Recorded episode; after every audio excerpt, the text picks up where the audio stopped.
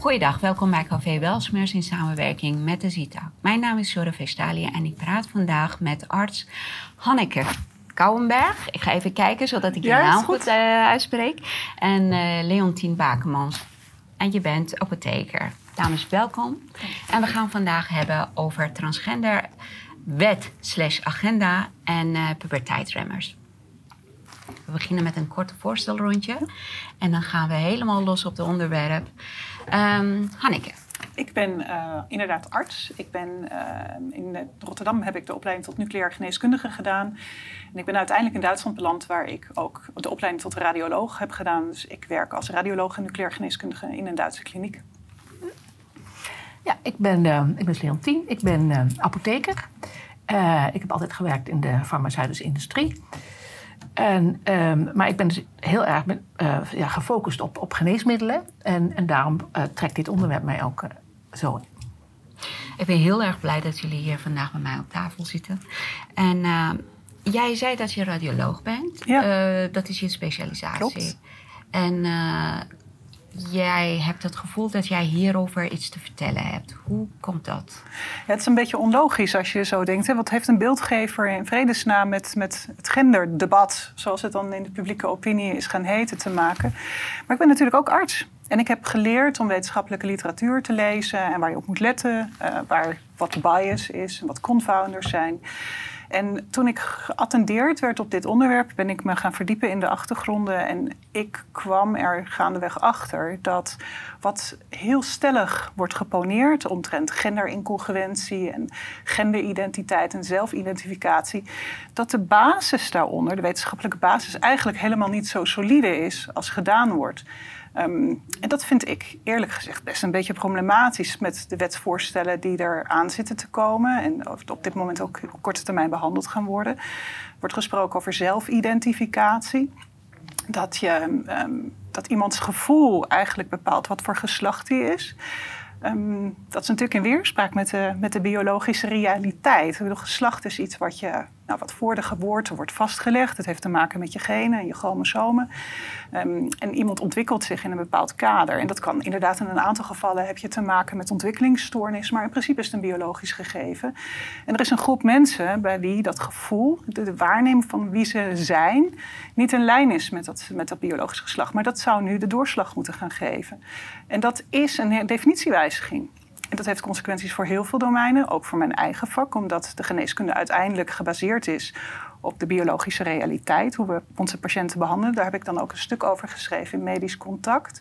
Um, leverde heel veel reacties op in dat blad ook, wat ik heel goed vind, omdat het een debat is wat um, eigenlijk maar heel beperkt gevoerd wordt in de maatschappij. Van oké, als we met deze definitie te wijziging te maken hebben, op welke domeinen heeft het dan allemaal gevolgen?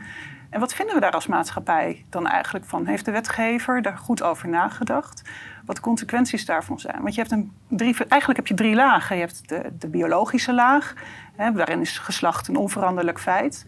Dan heb je de medische laag. Zeker als iemand een behandeling heeft ondergaan, dan zijn er een aantal kenmerken kunnen er veranderd zijn. En iemand valt hormonaal niet meer helemaal in de ene groep of in de andere groep.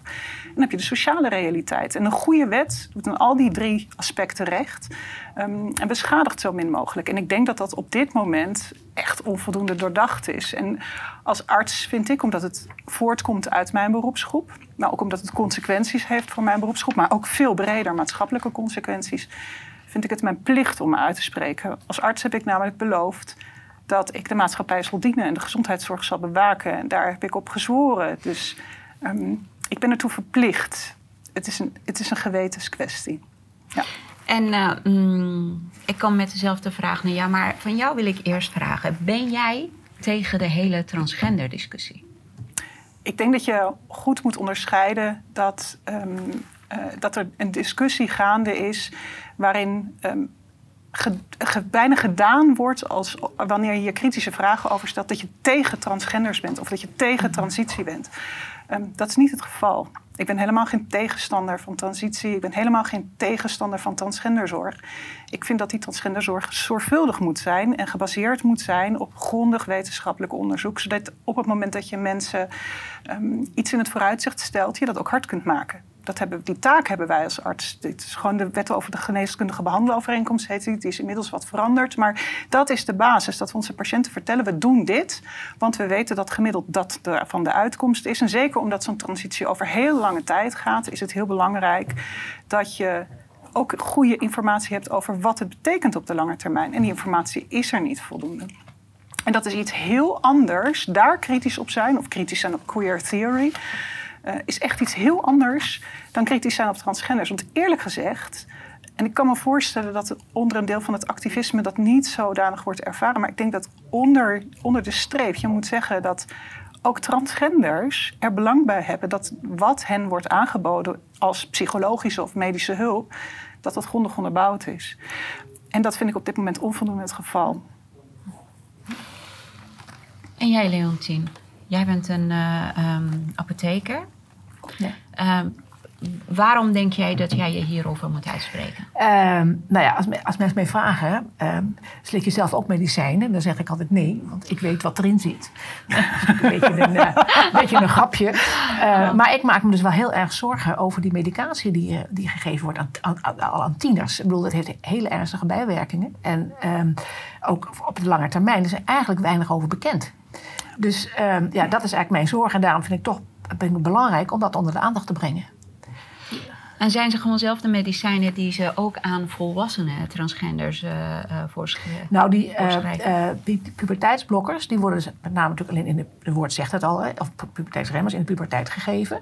Maar ook wordt het aan, um, aan, aan, jongens gegeven, zolang ze nog niet, in, nog niet de operatie hebben gehad, dan moeten ze die puberteitsremmers blijven slikken. Dus dat, die slikken nog wel een poosje. Dus, um, uh, en daarna krijg je natuurlijk de hormonen van het andere geslacht. Die mm -hmm. ook, hè, we weten bijvoorbeeld oestrogenen, dat is ook bekend, daar krijg je borstkanker van. Nou, dat krijgen dus die mannen ook die vrouw worden. Maar, uh, dus, dus het is niet zomaar, uh, het, is niet, het, is, het zijn niet echt hele veilige middelen. Het zijn geen smarties, hè? Nee, nee. geen smarties. Maar je zegt uh, die oestrogenen die veroorzaken, kan uh, borstkanker veroorzaken.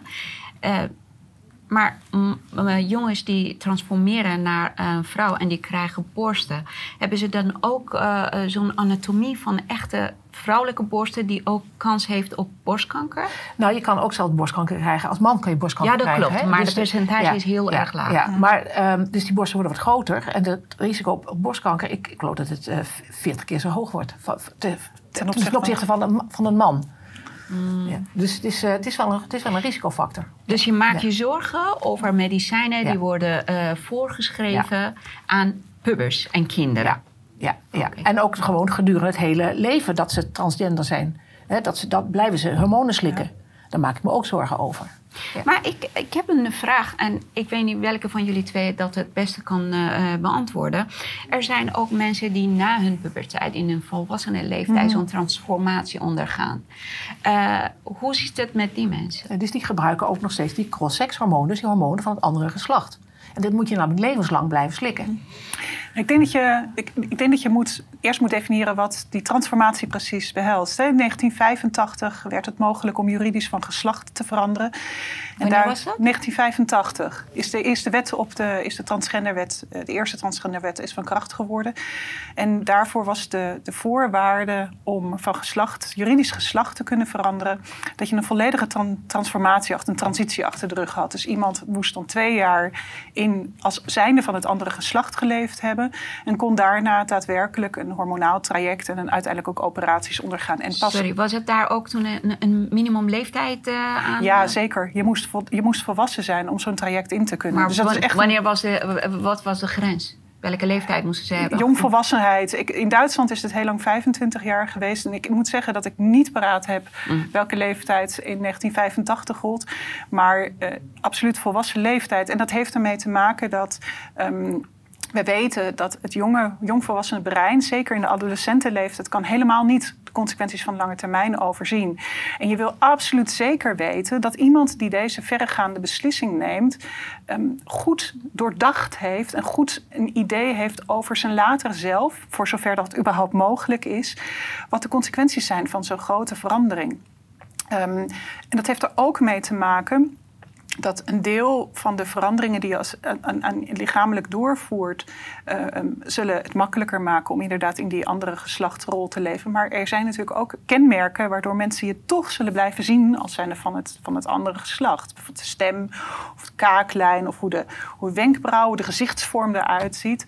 Dat mensen denken, ja, ze, ze loopt in een jurk, maar doet me toch ook denken aan een man. En dat is natuurlijk iets waar je wel mee moet kunnen dealen de rest van je leven. En dat heeft natuurlijk ook consequenties voor intimiteit. Hoe ziet een relatie eruit? Als je een lichaam hebt wat aan de ene kant niet meer mannelijk is en, en lijkt op dat van een vrouw, maar tegelijkertijd ook niet gelijk is aan dat van een vrouw. Kunnen we later misschien nog wat over, over hebben, over hoe die chirurgie er precies uitziet. Maar daar moet je kunnen overdenken. En daar heb je een zekere mate van volwassenheid en rijping, een zekere anticipatie mogen voor, voor nodig om dat te kunnen overzien. En daar komt bij dat inderdaad, wat, wat Leontien zegt, um, het, je hormonen zult moeten slikken. Want als je je eigen geslachtsorganen hebt laten verwijderen, bij mannen de testikels, bij vrouwen de eierstokken, dan maak je de hormonen zelf niet meer. En dan moet je dus slikken. En die hebben, dat brengt risico's met zich mee. Ook het andere geslacht slik Ja, precies. Dus vrouwen, vrouwen die, mensen die geboren zijn als vrouw en als man willen leven, zullen testosteron moeten nemen. Dat geeft een duidelijk verhoogd risico op hartproblemen, op vaatproblemen.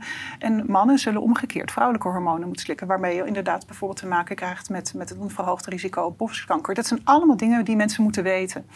En toen is er in de jaren tien is er een een, een, zijn de Jogjakarta-principes opgesteld. Dat is een, een, een, eigen initiatief van een groep mensenrechtenactivisten en transgenderactivisten. Die in, in artikel 31 hebben opgenomen dat iemands genderidentiteit vrij moet zijn en dat die los moet staan van iemands lichaam. Dat je niet op basis van de genderidentiteit iemand moet kunnen verplichten tot een lichamelijke verandering. Dat ze daarin zelfbeschikking hebben. En als medicus kan ik alleen maar zeggen: natuurlijk, mensen hebben het recht om een behandeling te weigeren. Dat is een, een van de kernprincipes van de geneeskunde. Alleen is het zo geïmplementeerd en ook via de Europese wetgeving in onze, wet terechtgekomen uiteindelijk, dat iedere vorm van transitie niet meer als eis gesteld mocht worden van geslachtsverandering.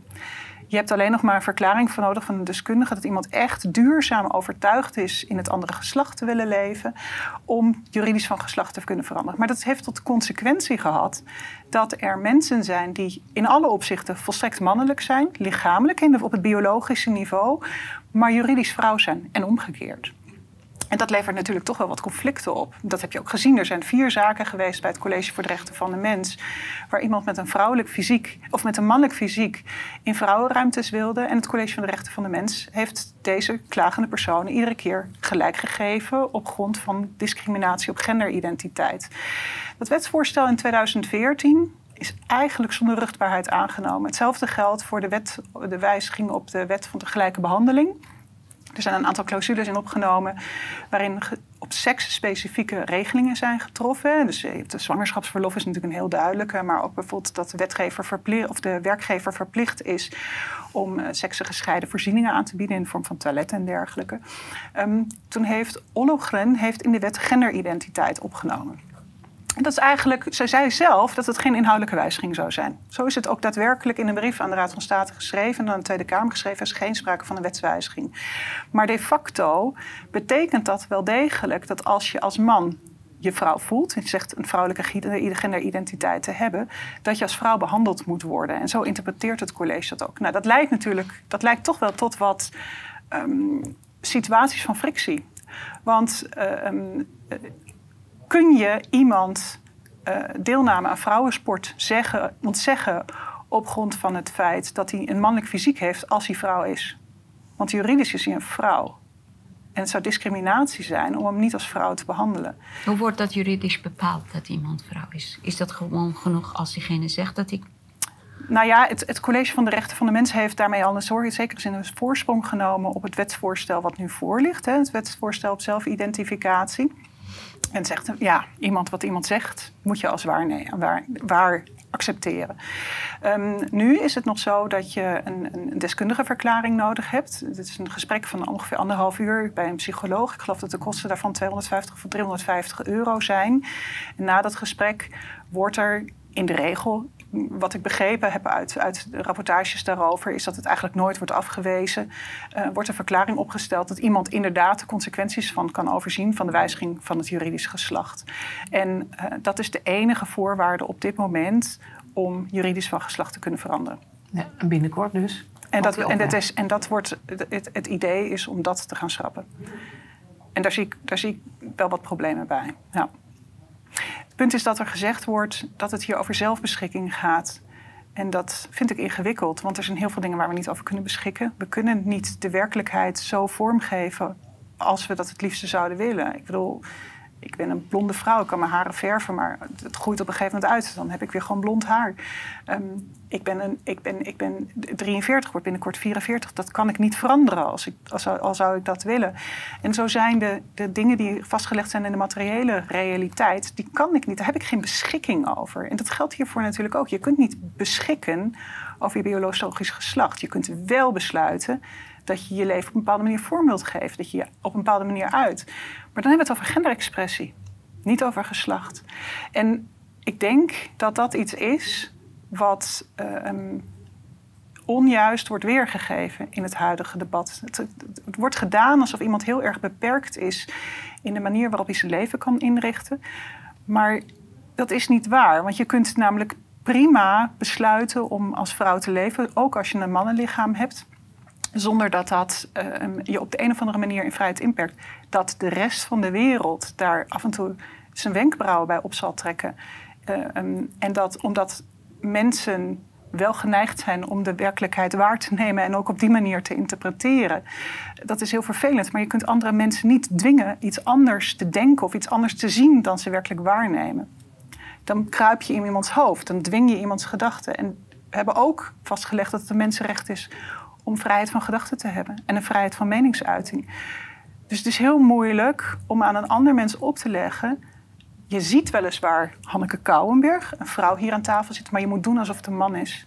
Dat wordt ingewikkeld, omdat je daarmee in de gedachte weer vrijheid en de, en de uitingsvrijheid van iemand anders treedt.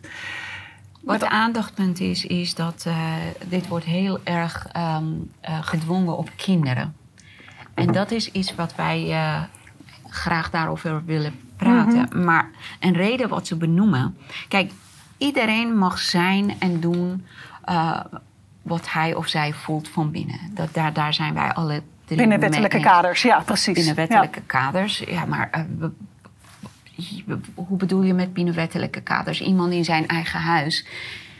Die hoeft geen rekening te Nee, maar er zijn, natuurlijk wel, er zijn natuurlijk wel wetgeving om, om uh, um, oproep tot moord is bijvoorbeeld. Ja, tuurlijk. Nee, dat is iets ja, heel anders. Nee, maar er zijn, wel, er, zijn wel, er zijn wel kaders aan. Klopt. Maar als het gaat over welke kleren trek ik aan, zijn er geen grenzen aan gezet. Godzijdank in dit land. He, dat, dat, dat, iedereen mag, um, mag, mag een jurk aantrekken of mag een spijkerbroek aantrekken. Of dat, dat is, daar zijn geen grenzen aan. Gelukkig maar. Ja. En dus is er alle ruimte om, om genderconform te zijn. Je typisch vrouwelijk te kleden als je een vrouw bent. Of, of absoluut gender-nonconform te zijn. En die kennen we, die kennen we uit de jaren tachtig. Lesbiennes met, met kaal geschoren hoofden of hele korte stekeltjes. Ik bedoel, het zijn iconische beelden. En die ruimte is er. Maar wat wij graag vandaag aandacht aan willen besteden... waarom is dit heel kwalijk voor de kinderen vooral? Want dat wordt een grote hype uh, uh, gemaakt. Ja. Maar kan jij ja. ons vertellen? Want één reden wat ze benoemen is dat um, hoe eerder jij met zo'n transformatie begint, hoe minder die mensen last hebben van anderslags uh, kenmerken als ze groter of ouder worden. Ja, nou, ik wil, ik wil eerst ook, ook nog eventjes zeggen van wat, waarom het mij ook dus nu speciaal triggert. Omdat er tot 2000, ik heb hier een grafiek en tot 2012 zie je eigenlijk dat de aantallen van, van, van transgenders, mensen met genderdysforie een beetje constant blijven. Maar daarna zien we ineens een enorme toename. En, uh, en, in welke leeftijdscategorie zie je die dus bij de tieners. Bij de, bij, dat is ja, van dat tieners. is. Ja, een enorme toename. En wat er helemaal in opvalt is dat er drie keer zoveel meisjes zijn. En uh, ja, dan denk je, hoe, waar komt dit vandaan? Daar, daar, gaan we eens even over nadenken. Even, uh, vroeger was het zo dat ja, als je van die genderdysforie, dat kwam voornamelijk bij jongetjes voor. En die hadden het al van jongs af aan. Maar dan komt bij meisjes komt het ineens in de puberteit op. Hoe kan dat? Um, nou ja, er, is, er is een onderzoek gedaan in een. Um, uh, uh, in een uh, bij, bij, of, ik heb een onderzoek van. heb hier een voorbeeld van een onderzoek in Finland, waarin ze hebben gezien dat er heel veel ja, autisme voorkwam, uh, depressie. Uh, en allerlei dus In dezelfde groep? Ja, van die, van die mensen dus, die met genderdysforie. Uh, dus allemaal mentale uh, problemen. En dat die eigenlijk bij 90%, bijna 90% van sowieso bij de meisjes voorkwam. Dus dat is wel iets om, uh, om over na te denken. Van hoe, hoe, kan dit? Um, en nou, we hebben dus, hebben, genderdysforie heb je gedefinieerd. Hè, dat je dus um, niet, dat je leidt eigenlijk aan het feit en je biologisch geslacht niet overeenkomt um, met je gevoelens. Dan hebben ze het over het biologische geslacht, wat uh, wordt toegewezen bij de geboorte. Maar ja, het wordt natuurlijk niet toegewezen bij de geboorte. Hè. Dat is, wordt bij de bevruchting vastgesteld of je een jongen of een meisje bent. Hè, dat zit in je chromosomen en dat zit in iedere cel. Hè, dat, is dus, dat kun je natuurlijk niet veranderen, wat je, hoe je ook wil. Je kan alleen maar cosmetische veranderingen doen. Uh, even terug naar je vraag. Wat was je vraag nou? Van die, waarom het ze bij jongeren dus doen? Nou, het komt dus op. Uh, het, er is een enorme toename bij, bij jongeren. Uh, wacht even. Ik zei nou zeggen, hoe eerder jij begint, oh ja, hoe minder... Met, ja, ja, want in de puberteit ga, krijg je een enorme ontwikkeling van jouw secundaire geslachtskenmerken. Dan worden meisjes borsten groter, uh, de, de, de, geslachtsorganen worden groter. Bij jongens ook, wordt, uh, worden de, de, ook de geslachtsorganen groter, penis wordt groter. Uh, en uh, ja, dat verergert dan eigenlijk je, je, je genderdysforie, want je wil helemaal niet geconfronteerd worden hiermee. En een, een ander punt is dat ze zeggen van ja, en als je daarna je wil je, je operatief je lichaam wil aanpassen, dan moet je natuurlijk meer veranderen als het al groter is geworden.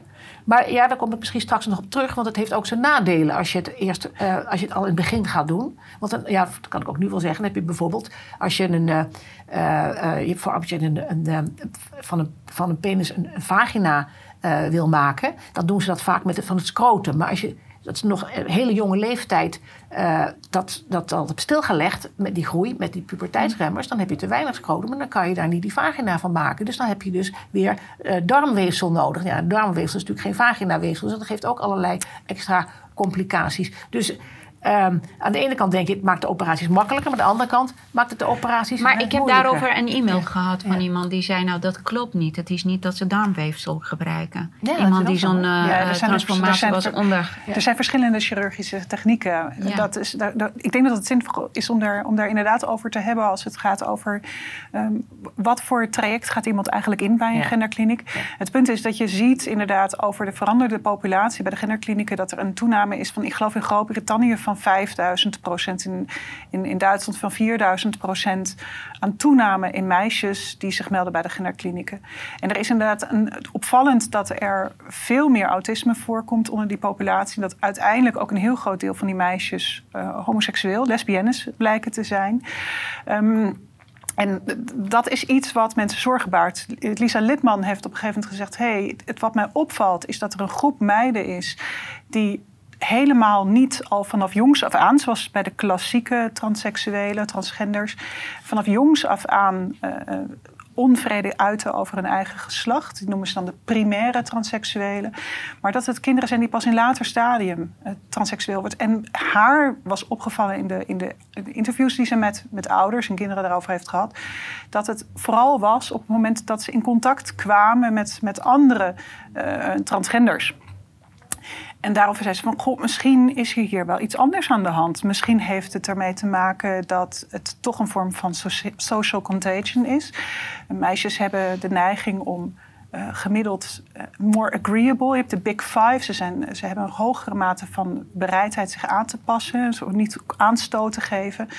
Ze hebben, lijden sneller aan, aan panieken en aan, aan nadenken en onaangename gevoelens als er sinds in conflictueuze situaties terechtkomen. Ze zijn extraverter dan jongens, dus ze hebben ook meer contact. En dat maakt dat meisjes überhaupt meer gevoelig zijn voor trends. En het punt is natuurlijk dat je ziet dat er voorlichting wordt gegeven. Nou, we hebben het ook. CSA is een van de voorlichtende organisaties. Die wordt gesteund. Wat is CSA? Het is een organisatie die uh, voorlichting geeft over seksuele differ, uh, seks, uh, differ, um, um, over variatie in, in seksuele oriëntatie. Wat maar is de afkorting van? Of weet, weet, ik, weet ik zo niet uit mijn hoofd. Ja. Maar ze worden gesteund door, financieel gesteund door het COC. En die geven ook voorlichting over, um, over, over deze, deze, dit as. Ja, precies. En dat gaat, al, dat gaat al op, op vrij jonge leeftijd. En daar wordt geslacht neergezet als een spectrum, wat biologisch gezien echt onjuist is. Um, maar wordt ook expliciet gezegd, ik heb dat voorlichtingsmateriaal gezegd, dat de dokter. Um, je weliswaar van een bepaald geslacht, maar dat, dat hij natuurlijk niet wist of dat klopte, omdat hij niet wist hoe jij je later zou voelen. Met andere woorden, kinderen wordt echt expliciet verteld in zulk voorlichtingsmateriaal dat hoe ze zich voelen bepalend is van welk geslacht ze zijn. Nou, is het zo dat veel meisjes in de, in de puberteit uh, opeens merken van hé, hey, mijn lichaam verandert. Eerste menstruatie is dus een vaak een, periode die wat met wat schaamte gemaakt gaat. Opeens worden, word je anders bekeken als je borsten gaat krijgen. Dus het is niet altijd even gemakkelijk. Zeker. hormonale balans is Precies. Weg. Dus zeker op het moment dat je daar dat combineert met een, een, een, verminderd vermogen om dit soort sociale veranderingen te duiden, zoals bij autisme vaak het geval is. Of sowieso bevattelijker bent voor dat soort sociale druk. En dat geldt voor mij dan nu eenmaal. Dan moet je ook in overweging nemen is het misschien iets waarvan meiden denken: ik weet eigenlijk helemaal niet wat ik voel. Ik voel me helemaal niet een typische vrouw, want ik lijk niet op Heidi Klum of op een ander fotomodel op televisie. En ik heb, geen, ik, ik heb niet dat, dat glamoureuze leven zoals het in de, in de populaire sitcoms. Ben ik wel eigenlijk een meisje? Want ik voel me eigenlijk helemaal geen typische vrouw. Misschien ben ik wel non-binair. En op het moment dat je daar uiting aan gaat geven en, en mensen daar echt heel ongelukkig van voelen. En ik ken maar weinig pubers die echt heel gelukkig zijn ja, dan is het natuurlijk wel degelijk een risico dat die kinderen inderdaad daarmee uiteindelijk aankloppen bij de huisarts, die niet in staat is om echt diagnostiek te doen. Want huisartsen zijn niet opgeleid om genderdysforie te, te, te diagnosticeren. Dan in een online bubbel terechtkomen en daar hun informatie vandaan halen. En twee jaar later op de wachtlijst bij de genderkliniek direct in een traject terechtkomen waarbij ze zeggen: ja, dat moet wel een genderincongruentie zijn. Want we hebben geen objectiviteit. Genderidentiteit is volstrekt subjectief, dus dat kunnen we helemaal niet diagnosticeren. Eén ding wil ik uh, benadrukken hier: dat wij allemaal weten dat genderdysforie bestaat. Ja. Dat is echt iets die wij niet ontkennen. En waar wij problemen mee hebben, is dat kinderen moeten niet en mag niet, ze mogen niet te vroeg hiermee geconfronteerd en gemanipuleerd worden. Je wil dat die populatie voor wie deze genderdysforie blijven zou. En ze ook de rest van hun leven zou achtervolgen. Waardoor ze iedere keer geconfronteerd worden met een situatie die haakse staat op hoe ze zichzelf. Dat is iedere keer alsof de werkelijkheid onder hun, onder hun voeten vandaan komt. Dat is vreselijk. Ja. Ik bedoel, die, voor iedereen die Shutterstock Island heeft gekeken, het moment dat Leonardo DiCaprio geconfronteerd wordt met wat er wel gebeurd is, je kunt je voorstellen dat als je dat hebt op dagelijkse basis, dat je leven een hel is. En voor die mensen zul je echt een oplossing moeten vinden. Maar dat is natuurlijk iets anders dan die populatie die ik net beschreef van meisjes die zijn gaan twijfelen. En die moet je uit elkaar halen omdat de ene populatie heeft echt een andere benadering nodig. En die heeft. Dat, dat, ik, ik, ik wil er niet eens over. Het moet zo verschrikkelijk zijn om daaraan te lijden. Ik heb het zelf, godzijdank, niet. Maar dat is, dat is een verschrikkelijk beeld. Terwijl die andere populatie moet zich leren te verzoenen met het feit dat er niet één manier is om vrouw te zijn of maar één manier is om man te zijn. Dat er een grote variatie in is. En het is denk ik onze opgave als maatschappij om daarvoor ruimte te laten bestaan, maar ook als medici. Hm. Om dat aan kinderen duidelijk te maken. Van je hoeft niet um, typische Stepford wife te zijn om een vrouw te kunnen zijn. Helemaal niet. Helemaal niet. Nee. Ik heb uh, naar aanleiding van mijn laatste gesprek met Caroline Fransen... heb ik uh, in de camera iedereen gevraagd... kennen jullie of ben je iemand die zo'n transformatie heeft meegemaakt... en die is blij met, met zo'n aanpak en met de verandering. Ik heb een aantal e-mails gehad... en er zijn mensen die ehm, in hun volwassenen uh, leeftijd zo'n transformatie mm. zijn ondergaan. En zijn heel erg blij met, ja. uh, met, met de resultaten wat ze bereikt hebben. Want dan voelen ze zich meer zichzelf. Dus dat, is, dat wil ik graag nu hier benoemen. Mm. En um, ze hebben ook een aantal punten benoemd... die ik in gesprek met Caroline Fransen naar boven was gekomen. Mm. Um, en daar wil ik ook graag met ja. jullie erover hebben. Eén was um, orgasme. Caroline zei, iemand die zo'n uh, transformatie ondergaat, die uh, gaat nooit orgasme uh, ervaren. En terwijl in de e-mails was duidelijk te lezen dat dat niet het geval is. Welk van jullie twee kan hierover? Eén opmerking ook. Die, die mensen van die e-mail die waren al volwassen hè, toen ze ja. overgingen. En over die orgasmes, dat speelt juist als je iemand gaat behandelen in het begin van zijn puberteit, wat volgens de regels kan, en die nog nooit een orgasme heeft gehad dan krijg je problemen later. In ieder geval uh, met meisjes. Of met, nee, met jongens. Want als die nog nooit een erectie hebben gehad of wat dan ook, dan, dan, dan, dan weten ze. Dan, gaat het gewoon niet meer. Um, dus dat is een verschil op welke leeftijd.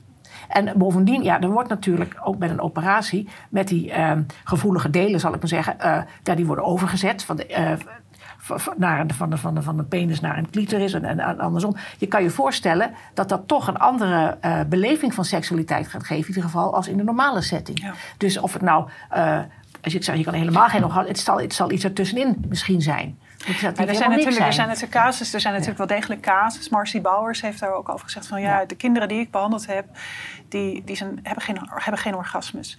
En dat, kinderen? Ja, kinderen. dan gaat het echt over kinderen. Dus kinderen. puberteit, hè? Ja. die, die worden, de puberteit begint uh, veel vroeger dan, dan de borstontwikkeling. Je hebt de, tanners, de tannerstadium. En vanaf tannerstadium 2, op het moment dat meisjes klierschijven beginnen te krijgen, kun je die, kun je die puberteitsremmers inzetten. Het punt is dat je dan inderdaad mensen ontwikkelen dan niet inderdaad, hun, hun geslachtsorganen blijven kleiner. Uh, en dat levert later chirurgische problemen op. Maar ze ontwikkelen zich mentaal ook niet als seksueel wezen. Ook dat wordt geremd. En er zijn wel degelijk casus bekend van kinderen die dus inderdaad eenmaal volwassen kalendertechnisch volwassen, maar lichamelijk nog steeds in een ja, prepuberaal stadium, dat die problemen hebben in hun seksualiteit, omdat die organen niet goed ontwikkeld geraakt zijn. Maar dat gaat natuurlijk alleen voor de kinderen die met puberteitsremmers behandeld zijn. En ik zou niet durven beweren dat dat ook voor allemaal geldt. Alleen het is wel een risico. Voor de mensen die in een volwassen situatie in transitie of transformatie zijn gegaan, geldt dat anders geldt dat anders. Natuurlijk is het zo dat op het moment dat je chirurgisch met weefsel aan de slag gaat, dat dat risico's met zich heeft. Maar dat is echt een andere situatie.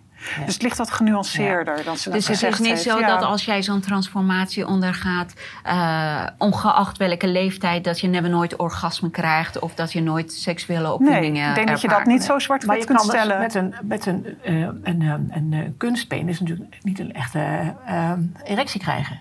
Nee. Dus, uh, dus het is toch. Nee, dus de hele seks, nee, maar de seksualiteit ja, is natuurlijk een heel andere. ik bedoel, wat, wat um, een erectie, als je een, als je een, een neovallus maakt, dus een, een, zeg maar een, een, een nieuwe penis bij, bij iemand die geboren is als vrouw. Um, dan wordt er over het algemeen gewerkt met een huidflap. Dus je neemt een stuk huid en uh, zorgt dat de vaten en de zenuwen daarvan behouden blijven. Die moet je dan um, verleggen naar een andere plek. En daar kun je dan een, een, penis proberen te construeren. Dat kan bijvoorbeeld van de bovenbenen. Het wordt ook met de onderarm wel gedaan. Um, het punt is natuurlijk dat in zo'n neovallus geen zwellichamen zitten. Want die heb je als vrouw alleen maar in je clitoris. En, die is weliswaar veel groter dan veel mensen denken. Maar niet genoeg genoeg om, om zwellichamen van te maken. Dus dat betekent dat op het moment dat je inderdaad zo'n zo'n vallus gemaakt hebt... je daar uiteindelijk een erectieimplantaat in moet doen. En dat is, bedoel, voor mensen is dat soms een uitkomst. Hè? En hebben daarmee een prima, tevredenstellend uh, seksleven. Het is ook niet iets wat alleen bij transseksuelen gedaan wordt. Het wordt ook gedaan bij mannen die om welke reden dan ook hun penis zijn kwijtgeraakt. Dus ja, dus en, en nou, impotentie is nog een. Daar worden, worden inderdaad soort e-, erectietransplantaten of erectieimplantaten ehm, worden daar wel. Maar je moet je goed beseffen dat je dus niet de spontane seksuele reactie hebt die mensen hebben die in hun eigen lichaam zonder dergelijke ingrepen zijn ondergaan. En tegelijkertijd is in de seksualiteit die spontane respons. Mannen vinden het fantastisch als een vrouw vochtig wordt. Want het is namelijk een teken dat ze oprecht is. En voor vrouwen geldt hetzelfde ook. Ik bedoel, het, merken dat een man een erectie krijgt draagt bij aan de seksuele opwinding. En dat is in dit geval natuurlijk niet zo. Dus zelfs op het moment dat mensen niet anorgastisch zijn. En ik hoop echt van harte dat het er heel weinig zijn. Ik, ik, ik weet gewoon niet. Ik denk ook niet dat er echt goed onderzoek naar gedaan is hoe vaak het voorkomt. Dan nog moet je beseffen dat het seksleven van deze mensen, ook als heel jong volwassenen, er al heel anders uitziet dan wanneer je niet een dergelijke ingreep hebt achtergaan. En dat maakt zeker dat bij de groep. Ik bedoel, voor een deel is er dus echt geen ontkomen aan misschien. Dat zegt Alexander Korter, is een, een criticus die uh, zelf genderspecialist is. Bij een deel zul je er echt niet aan ontkomen om uiteindelijk zo'n transitie uh, te ondernemen. Maar bij de populatie waar het niet noodzakelijk is, en zeker jonge kinderen, moet je het niet doen. Moet je het echt niet doen. Omdat um, uit oudere studies is bekend dat op het moment dat je een watchful waiting beleid hanteert, dus mensen niet met uh, puberteitsremmers behandelt, het grootste deel er overheen groeit. Zelfs in de laatste studie, vroeger werd al gezegd 85%, zelfs in de laatste studie was dat nog altijd een kleine 70%. Al die mensen zou je onnodig behandelen. Met al deze consequenties voor hun seksuele leven. En dus het, het is ook niet juist om te vergelijken met, ja, maar er zijn maar heel weinig mensen die detransitioneren, die spijt hebben. Nee, want je behandelt een groot, het groot deel van de mensen die je behandelt, had je eigenlijk helemaal niet hoeven behandelen en die heb je schade berokkend. En dat is waar je de arts, als arts eigenlijk de lijn zou moeten trekken. Want je hebt primair de opdracht niet te schaden. En dat is het grote probleem. Dat, ook het feit dat er gesproken wordt over puberteitsremmers en dat die reversibel zouden zijn. Um, dat is maar betrekkelijk waar. Omdat de, kinderen die vroeg aan puberteitsremmers gaat, gaat eigenlijk iedereen over op cross-sekshormoon. En dat heeft er waarschijnlijk, zo is althans de hypothese, ook mee te maken dat ze niet de gelegenheid krijgen om vrede te vinden met hun hun, hun, seksualiserende lichaam. Met hun eigen borsten, met hun, met hun vagina. Met, die gaat, met, met een lichaam dat gaat functioneren. Met zaadlozingen als jongens. Met een baard in je keel. Die kinderen krijgen, als ze die medicamenten slikken, niet de kans om te kijken: oké, misschien leer ik wel dat dat helemaal oké is.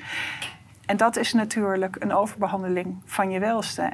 En dan met zware consequenties ik denk dat dat de kern van het verhaal is. Dat je dat. dat um, En er is gisteren. Als ik nog heel kort mag ja, doorgaan, want ik ben nou ontzettende monoloog. Nee, er is gisteren, een deze dagen, is er een studie verschenen van, eh, van vrouwenarts, een promovenda aan, eh, aan, de, aan het LUMC. Dat gaat over de mate waarin kinderen in zo'n jong stadium in staat zijn om dit soort beslissingen te nemen. Want het is natuurlijk best een punt. Hè? We vinden dat kinderen geen sigaretten mogen kopen, geen alcohol mogen kopen, geen auto mogen rijden, maar ze mogen wel dit soort beslissingen nemen. Um, en daaruit komt ook naar voren dat kinderen één het gevoel hebben dat ze niet echt een keuze hebben. Er is geen alternatief, hebben ze het gevoel. Dat is natuurlijk niet waar. Je kunt ook gewoon besluiten af te wachten en de kinderen psychotherapie te geven. Maar blijkbaar is het momenteel de sfeer rondom deze problematiek zo dat die kinderen niet het gevoel hebben dat ze een keuze hebben. En dat is natuurlijk heel ernstig. Want dat betekent dat blijkbaar via sociale media, maar ook blijkbaar vanuit mijn eigen beroepsgroep, toch het signaal gegeven wordt dat dit de weg is. Ondanks het feit dat er eigenlijk helemaal geen medische evidentie voor is dat het daadwerkelijk een betere uitkomst oplevert. En het tweede is ook dat uh, die artsen omgekeerd ook niet kunnen zeggen: we weten wat de uitkomst zal zijn. Want er is geen, er is geen onderzoek naar gedaan, niet op de lange termijn. Dus er wordt gesproken over een, een informed consent of over een situatie waarin kinderen medische beslissingen zouden kunnen nemen. Maar dat is, als je goed leest, eigenlijk een farce. Want die kinderen weten niet waaraan ze beginnen en de artsen weten eigenlijk niet wat ze voorstellen. Ja, ja daar word ik wel stil van. Ja. ik heb je gisteren heel kort aan de telefoon gehad. En je had net uh, zo'n onderzoek uh, gezien, mm. uh, of het verslag. En je was heel erg emotioneel. Ja. Um, we gaan ook een linkje onder onze gesprek zetten, aanhechten. Zodat mensen kunnen dat onderzoek nou, het meest, meest, lezen. het meest ontluisterende vond ik dat op een gegeven moment onder klinische blijkbaar ook geopperd werd. Misschien vinden we het feit dat deze kinderen in staat zouden moeten zijn om dergelijke beslissingen. Misschien wordt het ook wel een beetje overschat. En toen dacht ik, dit, dit is wel heel ernstig. Dit is wel echt heel ernstig. Als je bagatelliseert dat mensen inzicht moeten kunnen hebben in wat ze precies aangaan. Als het gaat over dit soort levenslange veranderingen lichamelijk, met alle consequenties die eraan vasthangen. Ja, dat is ethisch uiterst discutabel om het eufemistisch te zeggen. Maar dat is ook bekend van de puberteit. Hè? In die puberteit ja, um, gaan, ga je ook, maken ook je hersenen een groeispurt door. En vooral dus je, de, uh, het voorstuk van je hersenen, de frontale cortex, waar die beslissingen worden genomen, die is dan volop in beweging. En dat is pas uitontwikkeld tegen dat je 25 bent. dus dan kan je eigenlijk pas een weloverwogen beslissing nemen. Zo'n mm. puber is, dat wordt, die laat al uit zijn handen vallen. Puber is niet voor niks een puber. Maar dat ga je dus stilleggen. En dat heeft natuurlijk ook consequenties. Uh, ook, ook op voor de hersenen. Misschien er zijn aanwijzingen misschien dat IQ omlaag gaat. Er zijn, er ook nog veel te weinig onderzoek naar gedaan. Maar dat moet natuurlijk gevolgen hebben. Maar er zijn ook uh, gevolgen op, uh, op de botten. Want in de puberteit maakt, die, maakt de botsterkte nou, juist een enorme groeispurt door.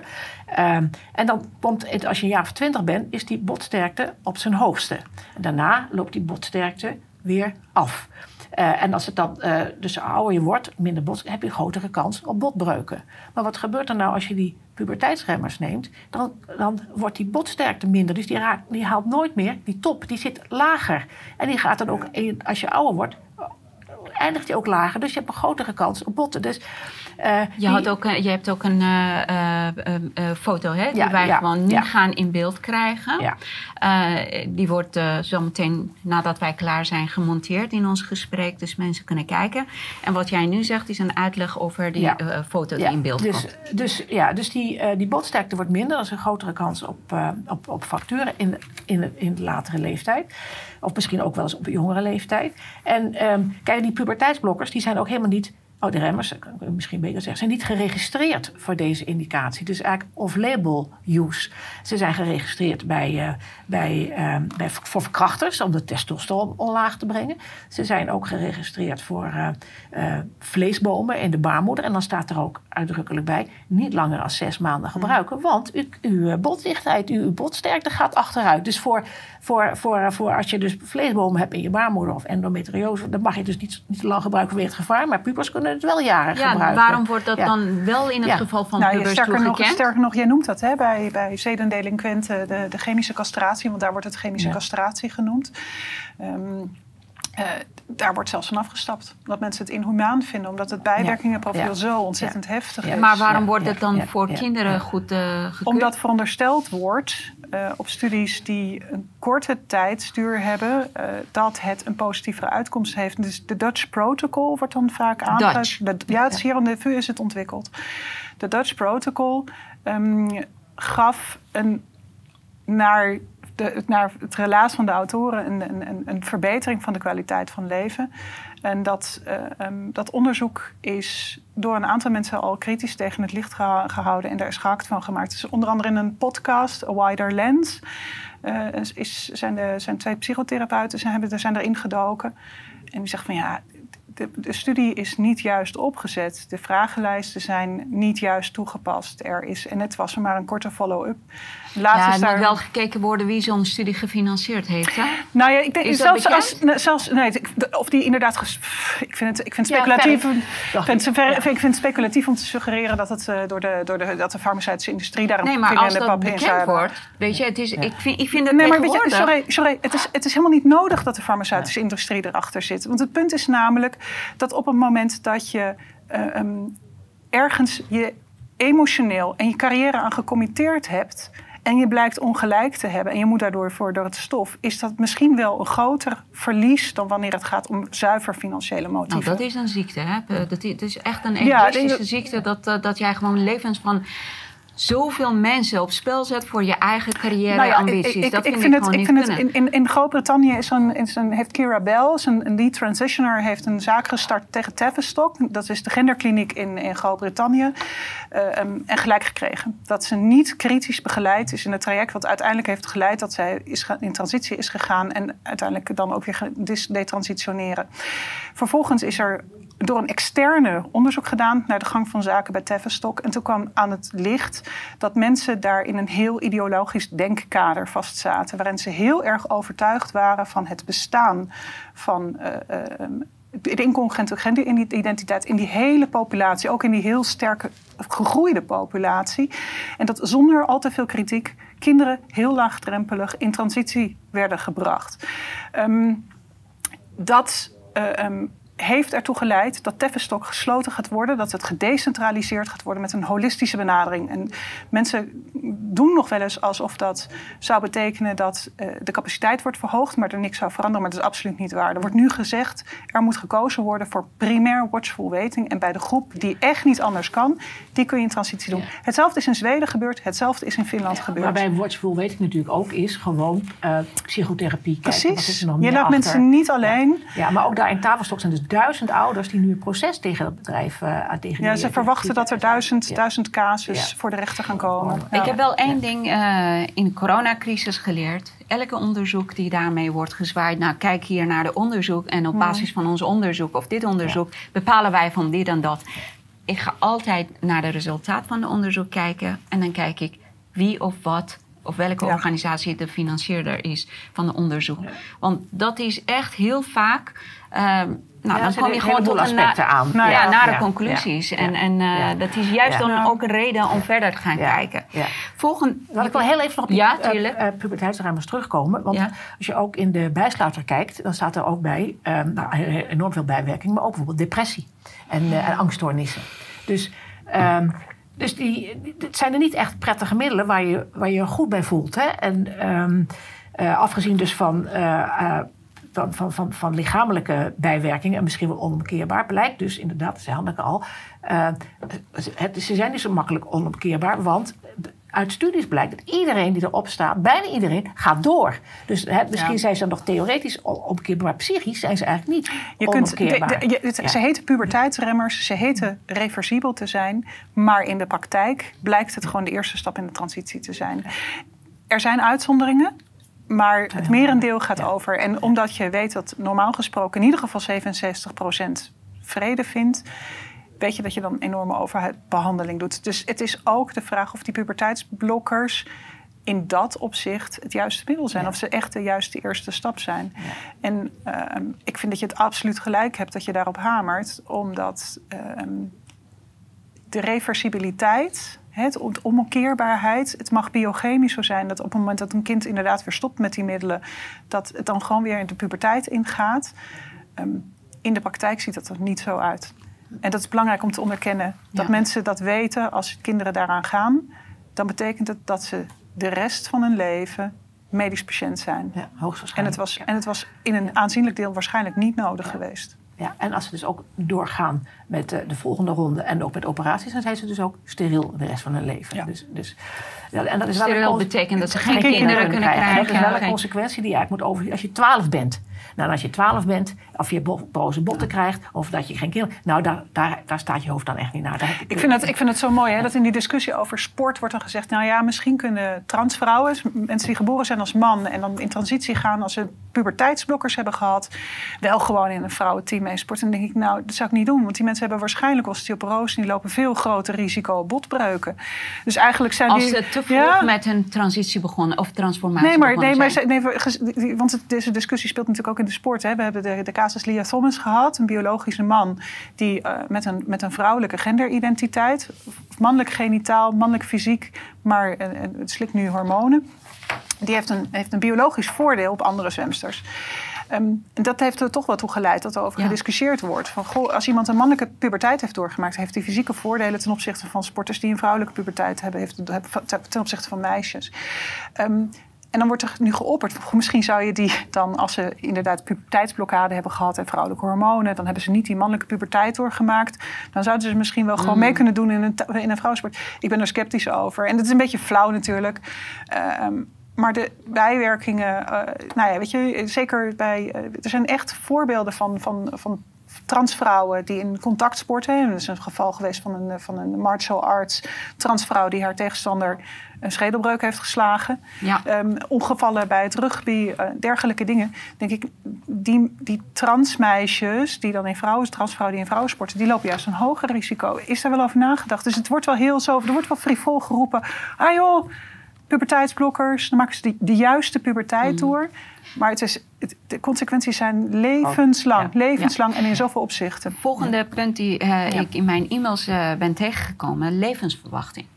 Eh, want er waren mensen die eh, in een oudere leeftijd waren en ze kenden ook mensen die in de ruim 70 waren. En ze hadden zo'n transformatie eh, gehad eh, na hun puberteit. Eh, dus dat, dat is een grote verschil.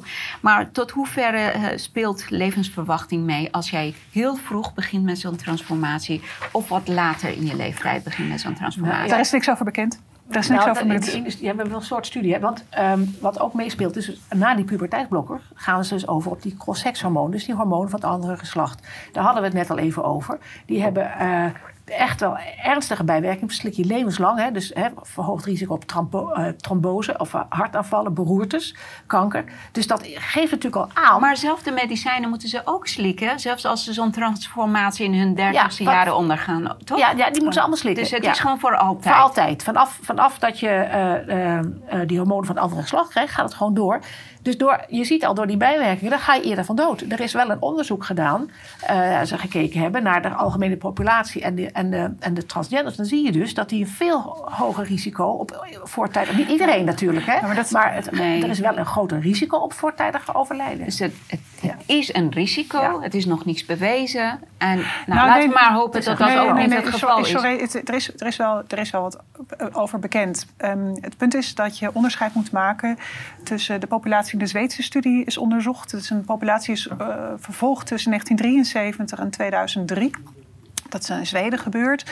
En daarin zie je dat uh, mensen die een transitie hebben ondergaan, nog steeds een sterk, die hebben nog steeds een sterk verhoogd risico op suicidaliteit, een sterk verhoogd risico op voortijdig overlijden door andere oorzaken, met name cardiovasculaire problemen. Maar, maar dat zijn mensen die in volwassen leeftijd in transitie zijn gegaan. En op de lange, omdat puberteitsremmers nog helemaal niet zo lang ingezet worden, is helemaal niet bekend. Op welke termijn. Niet, tenminste, niet in deze omvang. Hè? Want waar, het, wat, waar het op neerkomt, is dat inderdaad um, voor meisjes, geboren meisjes die als jongen door het leven gaan, die slikken een tijdje puberteitsremmers en gaan dan op een gegeven moment testosteron nemen. Dat testosteron onderdrukt voldoende de vrouwelijke hormonen. Daar heb je op een gegeven moment geen blokkade van. Vaak is het wel zo dat als ze inderdaad chirurgische interventie ondergaan, dan ook baarmoeder en eierstokken verwijderd worden. En dan zullen ze het op alleen het testosteron moeten rooien.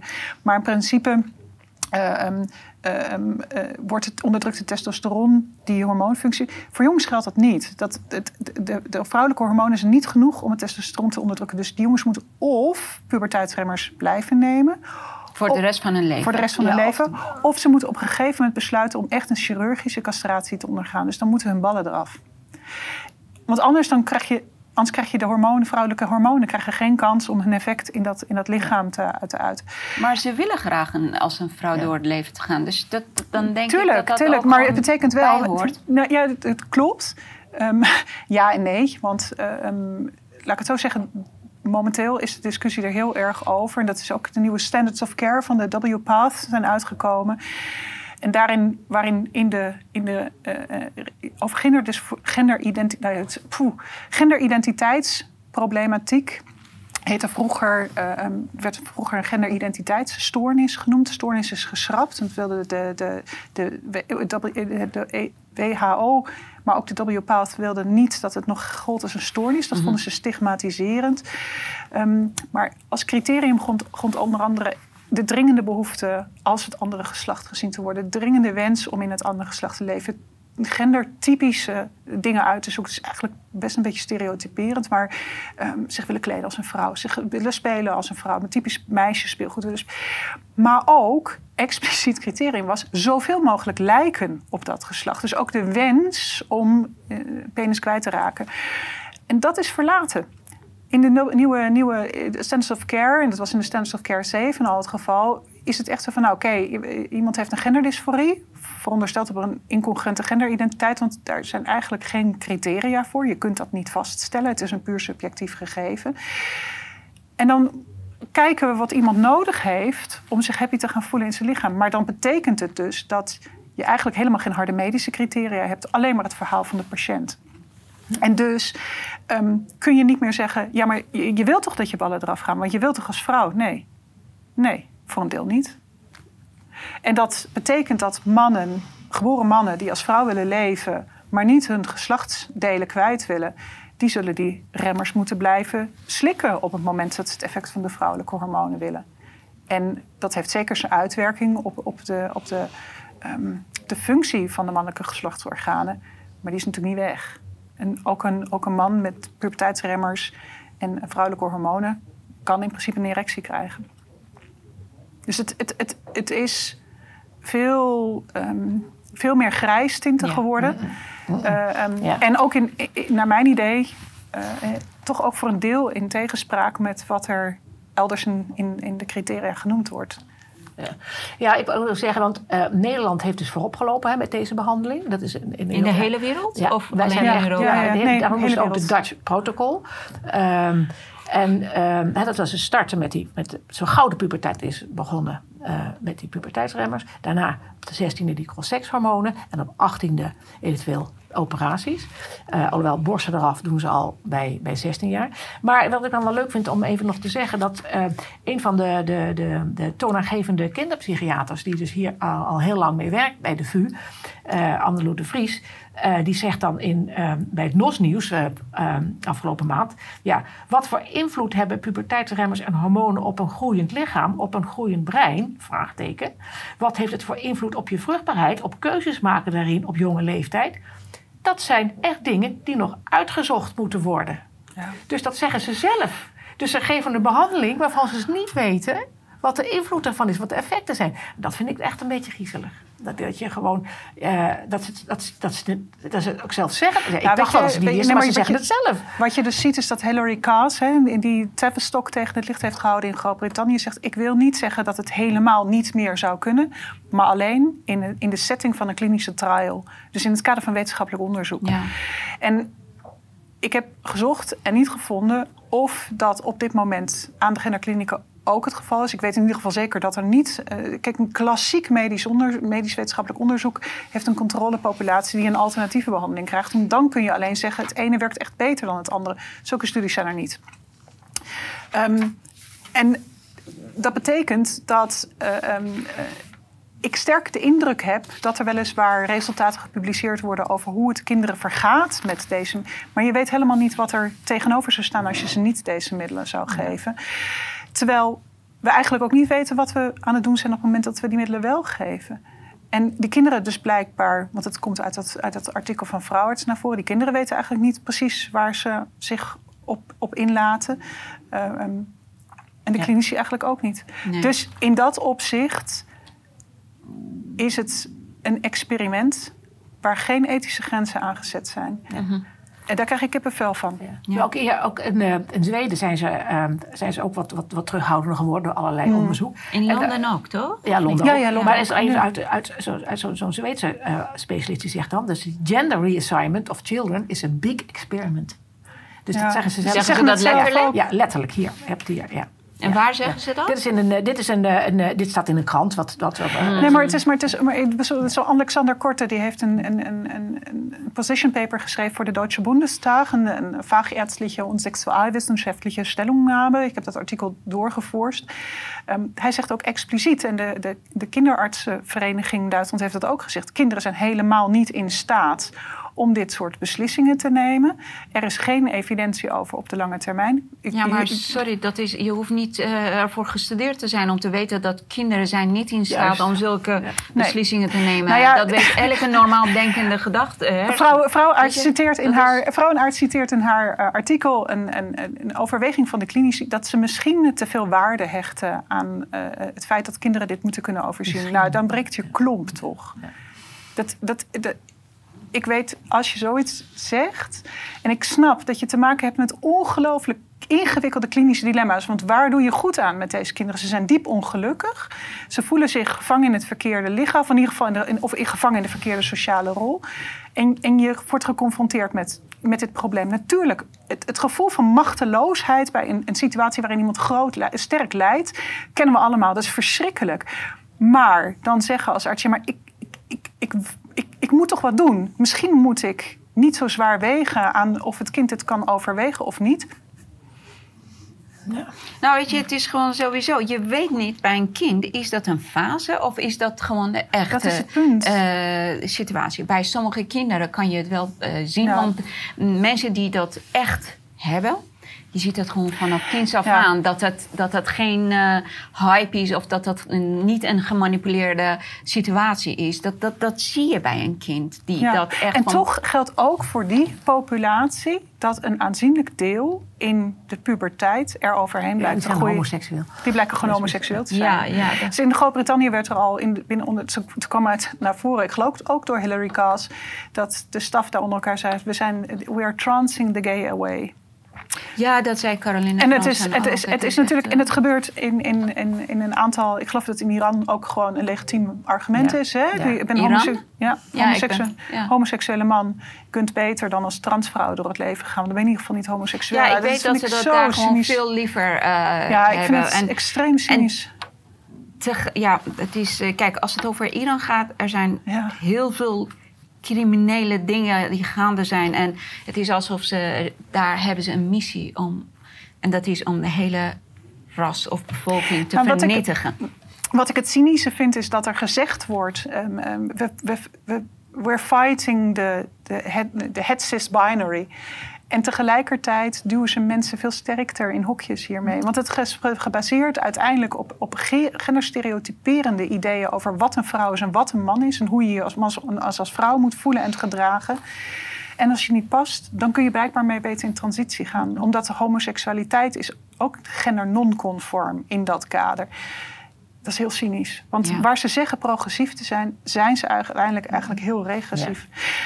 Daden en woorden komen Ja. niet met elkaar Ja, in overeenkomst. Ja, Misschien dus kunnen we het zo dadelijk nog hebben over het verbod op conversietherapie. Want dat vind ik in dit Ja. kader. Ja, want Eh, daar, daar, daar wou- kan, kan ik een sta- opstapje naar maken. Want hè, dan zijn ze Nee, er is nog een vraag die ik wil stellen Zij naar aanleiding van eh, die eh, e-mail, eh, e-mails wat ik heb gekregen. Vagina-opening. Want Ja. eh, in mijn gesprek met Caroline kwam er buiten dat, eh, of zei ze dat dat is een open wond. En die moet je continu de hele leven lang open houden. En in een aantal e-mails die ik heb gekregen stond dat het niet waar is en dat het niet zo werkt. Ehm, ik zeg het nog een keer, er zijn mensen die in latere leeftijd, dus na een puberteit, zo'n eh, transformatie hebben gehad. Maar wat kan je daarover, of wie kan het beste daarover wat zeggen? Ja, ik denk dat het van patiënt tot patiënt verschilt. Hè. Zijn, eh, het heeft te maken met hoe je wondgenezing is, hoe snel. Um, littekenweefsel, het is natuurlijk, je maakt. eh, een gangbare manier om een, om een nieuwe vag- neovagina te maken is door het weefsel van de penis te gebruiken en dat de, de, eruit te halen en dat, en dat naar binnen te werken. En dan wordt er uit, de scro, uit het scrotum, de balzak, worden dan de, de, de schaamlippen gemaakt. Vaginawand ook, dacht ik. Ja, vagina, want volgens mij wordt die van de penishuid gemaakt.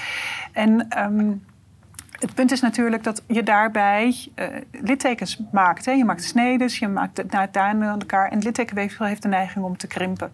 Dus ja, een open wond vind ik, vind ik wat Nou, die- plastisch klinken. Ja, is- maar, er is, maar er is natuurlijk een wond. En het punt is dat als het littekenweefsel de neiging heeft om te krimpen... dan heb je natuurlijk een steeds kleiner wordende opening. En die zul je, in het, zeker in het begin, zul je die moeten oprekken. En dat is, is een onaangename aangelegenheid. Ik kan me heel goed voorstellen dat mensen op het moment dat ze genezen zijn... en dat dat, dat, dat, dat veel minder frequent wordt. Ik denk wel, dat ken ik zelf. Ik had ooit gaatjes in mijn oren, of ik heb ze nog... Of, is inmiddels dichtgegooid, want, gegooid, want ik draag nooit mijn oorbellen. En dat geldt natuurlijk voor zo'n vagina ook. Als je dat niet open houdt, en dat kan prima bijvoorbeeld met, met geslachtsverkeer, maar anders moet dat met een pelotte, dat je af en toe toch moet. Ja, dat je, maar ik kan me goed voorstellen dat dat van patiënt tot patiënt, van transseksueel tot transseksueel Ja, verschilt. ook hoe de operatie is gelukt. Ja, Oké. er zijn zoveel factoren die daar een rol spelen. Ja. En jij wilde wat zeggen? Ja. Nou, dus, hè, de- eh, die, die- je ziet dus die kinderen die zijn in paniek en, die, en die, eh, die, die willen graag behandeld worden. En dan is het net of er maar één behandeling is, namelijk dat lichaam veranderen. Maar dat is natuurlijk ook een mentaal probleem. En ik denk dat je dus om die puberteit eh, door te komen, om daar dat niet met puberteitsremmers, maar ehm, zonder medicatie, dat je ook moet gaan werken en gaan kijken van wat zit hier nou achter. Want dat hadden we gezien. Een heleboel mensen hebben allemaal mentale problemen. Laten we daar eens aan Ja, gaan maar dat werken. is, de- nu komt het Ja. over als, als jij gewoon zegt dat het alleen maar mentale Nee, niet problemen alleen, zijn. maar Nee. om, door die, om door die puberteit heen te komen. Want Ja. dat is namelijk die moeilijke tijd dat ze eigenlijk nog geen goede beslissing kunnen nemen. Dat je, en ik heb gehoord van mensen, als je dus eerst gaat werken aan die mentale problemen, dat als je die oplost, dat dan ook eh, de, de genderdysforie afneemt. En, ehm, eh, en, en, eh, of, ofwel sowieso helemaal dat ze er overheen gegroeid zijn. Dus dat watchful waiting, dus niet alleen zomaar wachten, maar dat is natuurlijk wel psychisch begeleiden. En eh, ook ehm eh, Steensma, ook zo'n een, een, een, een, ja, een, beroemde ehm, Het is een psycholoog, hè? En eh, werkt nu bij, de Gender. Healthcare. Ja, Ja. eh, die zegt ook van als je dus eh, geen puberteitsbehandeling geeft met medicatie, maar met, met, met, met psychotherapie of met een andere begeleiding, dan gaat het 80% of 70 tot 80 over grote meerderheid, dan gaat het gewoon over. Dus die zou je anders dus gewoon misbehandelen met deze zware Ja, precies. medicatie. Nou ja, weet je, Ja. dat is natuurlijk wel het punt. Dat ehm, ook als je ehm, eh, uiteindelijk best heel tevreden bent met het resultaat. ehm, is een neovagina beter dan een penis waar je ook tevreden mee geweest zou zijn? En dat is natuurlijk het dilemma waar je mee te maken hebt. Als je weet dat uiteindelijk een deel. Ik, ik heb ook plaatjes van. Ik heb operatieplaatjes gezien. Die vind ik over het algemeen heftig. En ik heb ook plaatjes gezien van het resultaat. En soms is dat echt mooi. Dat vind ik echt hoor. Dat je zo'n zo'n vagina is echt gewoon van buiten gezien is dat mooi. Maar het is geen echte vagina. Die wordt niet vanzelf vochtig. Nou, daar heb ik daar straks al wat over gezegd. En dan denk ik, eh, je gunt mensen uiteindelijk heel erg hard dat ze tevreden zijn in het lichaam dat ze hebben. En dat er zo min mogelijk voor nodig is om die tevredenheid te hebben. En daarom is, het. Iedereen's recht, hè? Ja, en dat is, dat is iets wat je. Ehm, wat ik denk dat je als, als arts en als hulpverlener na zou streven. Dat mensen tevreden zijn met dat wat, wat er is, wat ze hebben omdat ehm, wat, wat er nu gedaan wordt, van nou, weet je, we stemmen eens af met de patiënt of cliënt. Want ja, patiënt is dan ook een beetje lastig. Ze, Korte doet dat wel hoor. Die zegt heel expliciet: nee, het zijn patiënten. Ze lijden. Hè, van, van lijden uit het Latijn, daar komt het woord patiënt vandaan. Het zijn geen cliënten die hier wat uit de, uit de snoepkast komen trekken.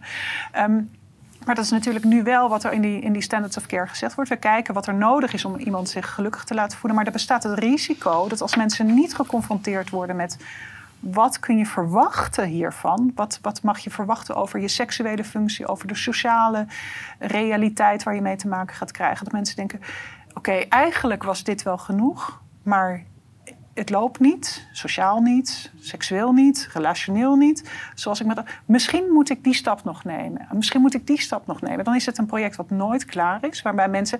En uiteindelijk ehm, is de harde realiteit dat een aantal mensen uh, niet dat zal bereiken wat ze ervan gehoopt hadden. En dat is, daarom is het heel belangrijk dat er heel goed voordat mensen en eigenlijk moet je het daar dus al over hebben. Op het moment dat kinderen met crosssex of met, met puberteitsremmers gaan beginnen, moet je daar eigenlijk al over hebben. Mhm. Van, je moet er rekening mee houden dat het niet is wat je ervan verwacht. Weet je het zeker? Weet je, dat je, weet je zeker dat je geen kinderen wil krijgen? Kan een kind van 12 dat al precies?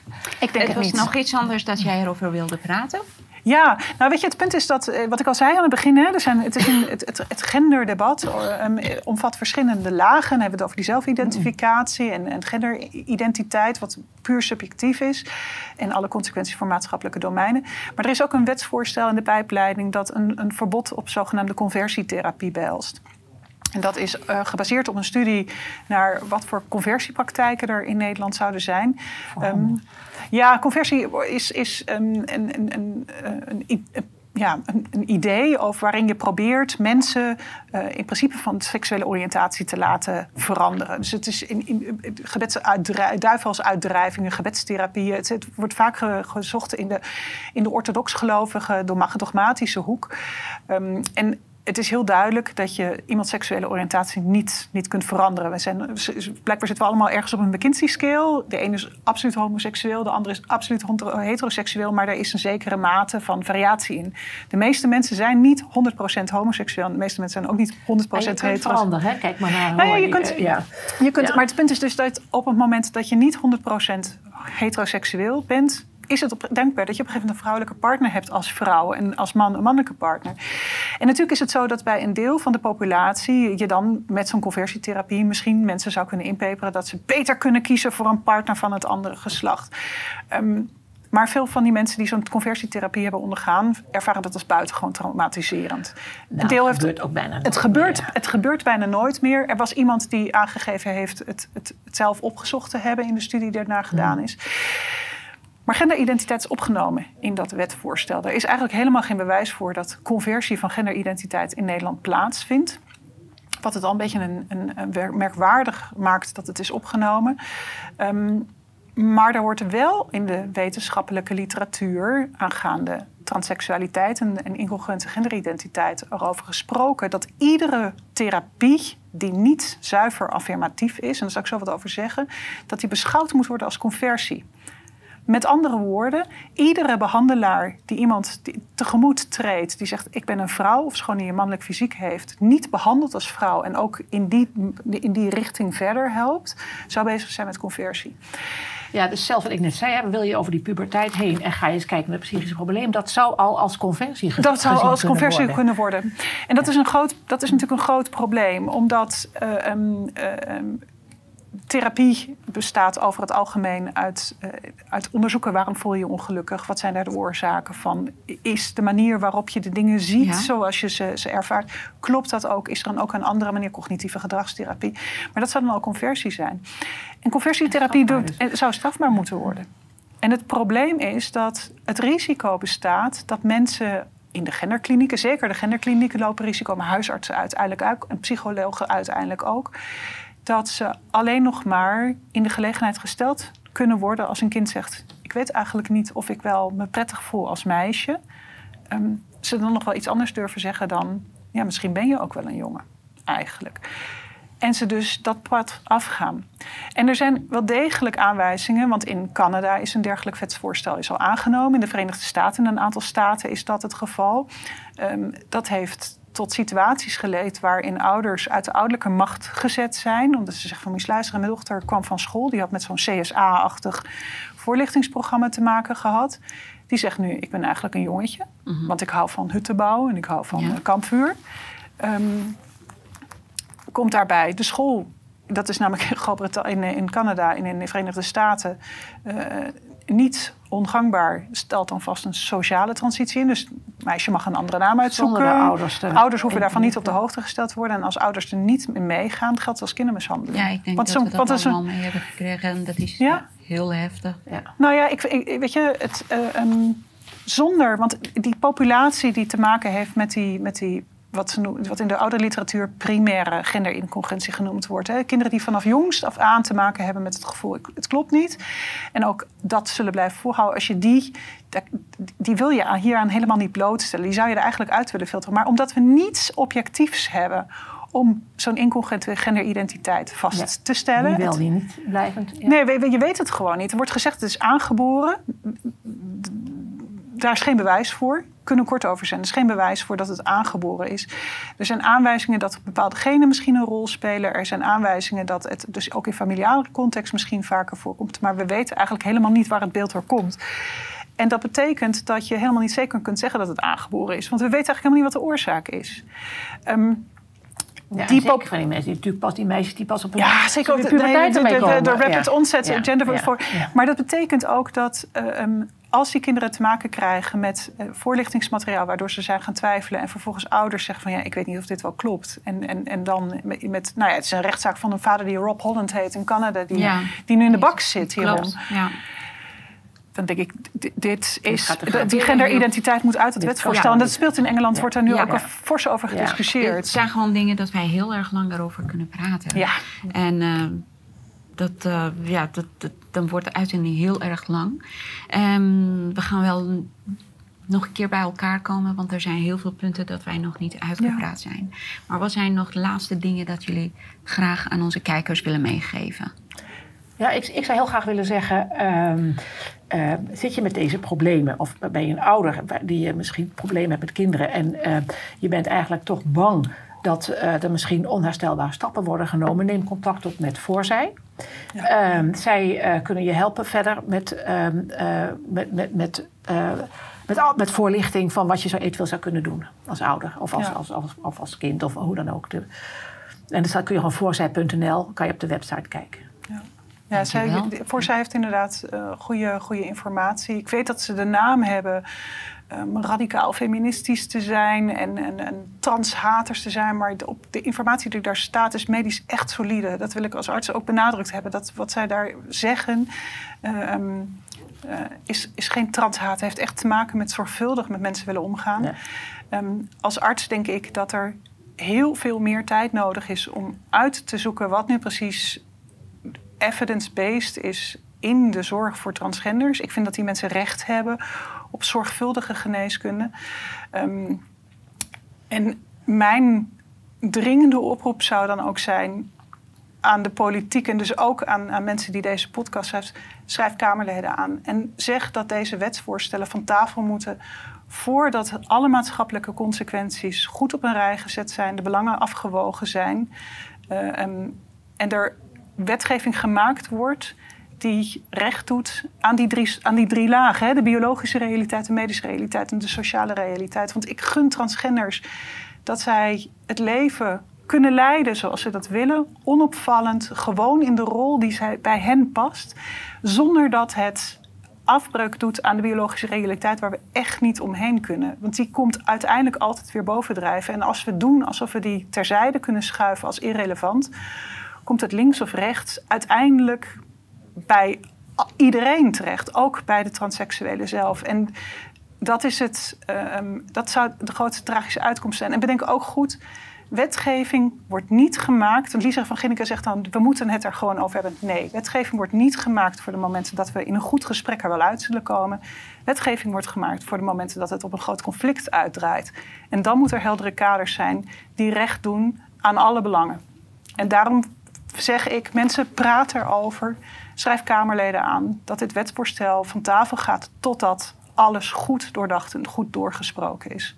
Oké. En wanneer wordt zo'n uh, wetvoorstel behandeld? Volgens mij is het de wet op de zelfidentificatie staat voor volgende week op de agenda. Ja, als hij volgende week als hij niet wordt uitgesteld. Welke, dus, welke datum is dat? Volgens mij de 6 of 27ste. Ja. ja. Maar het is uh, september ja, 2022. Maar het is al heel vaak uitgesteld. Dus het kan best zijn dat het maar achter schuift. Ah, Oké. Ja. En, uh, en die, die wet op die uh, conversie. De therapie is dit, maar dat, dat, is later. Dat is later. Ja, maar dat zit ook in de pijpleiding. En ik denk dat hetzelfde geldt overigens voor hate speech, maar dat is nog verder weg. Um, uh, dit zijn echt onderwerpen die iedereen in de maatschappij raken. Um, uh, en dat betekent dat er ook echt maatschappelijk breed over gesproken moet worden. En dat ja. is niet omdat transgenders in een hoekje gedreven moeten worden of als freaks weggezet moeten worden. Ze, hebben, ze moeten echt de ruimte krijgen om een leven goed te leiden zonder, zonder dat daar veel ongeluk bij komt. En daarom is het belangrijk dat slechte wetgeving ook niet als een boemerang straks bij ze terugkomt, want dat risico bestaat ja, ook. Duidelijk. Ja. Ja. Dankjewel. Dankjewel. Jij ook bedankt. Graag gedaan. Um, iedereen bedankt voor het kijken. Uh, ik wil jullie ook bedanken, degenen die mij hebben gemaild... naar aanleiding van mijn laatste oproep... na mijn, uh, na mijn gesprek met Caroline Fransen. Ik heb jullie e-mails gelezen en ik ga op jullie allemaal reageren. Uh, we zijn... We kiezen geen partij. We zijn hier voor duidelijke uitleg en informatie. Maar als het over onze kinderen gaat, dan denk ik dat we allemaal heel duidelijk zijn blijf van onze kinderen af. Die zijn volgende generatie. En het moet niet geëxperimenteerd worden aan onze kinderen en met onze kinderen. Dat is het enige wat wij hierover willen benadrukken en duidelijk maken. Uh, transgender, homo, hetero, lesbienne. We zijn allemaal mensen die op aarde lopen en we hebben allemaal evenveel rechten. We moeten allemaal van ons leven kunnen genieten. En wij houden van iedereen. En iedereen moet ook uh, kunnen zijn wie ze willen zijn. Café Welsmers en ik, ik hoor ook bij Café Welsmers, we zijn heel erg neutraal en we willen graag alle aspecten ja, benadrukken en informatie beschikbaar maken. Dank jullie wel voor kijken. En uh, ik wens jullie allemaal, en ook jullie gasten van mij, een hele mooie dag en mooie jaren en mooi leven toe.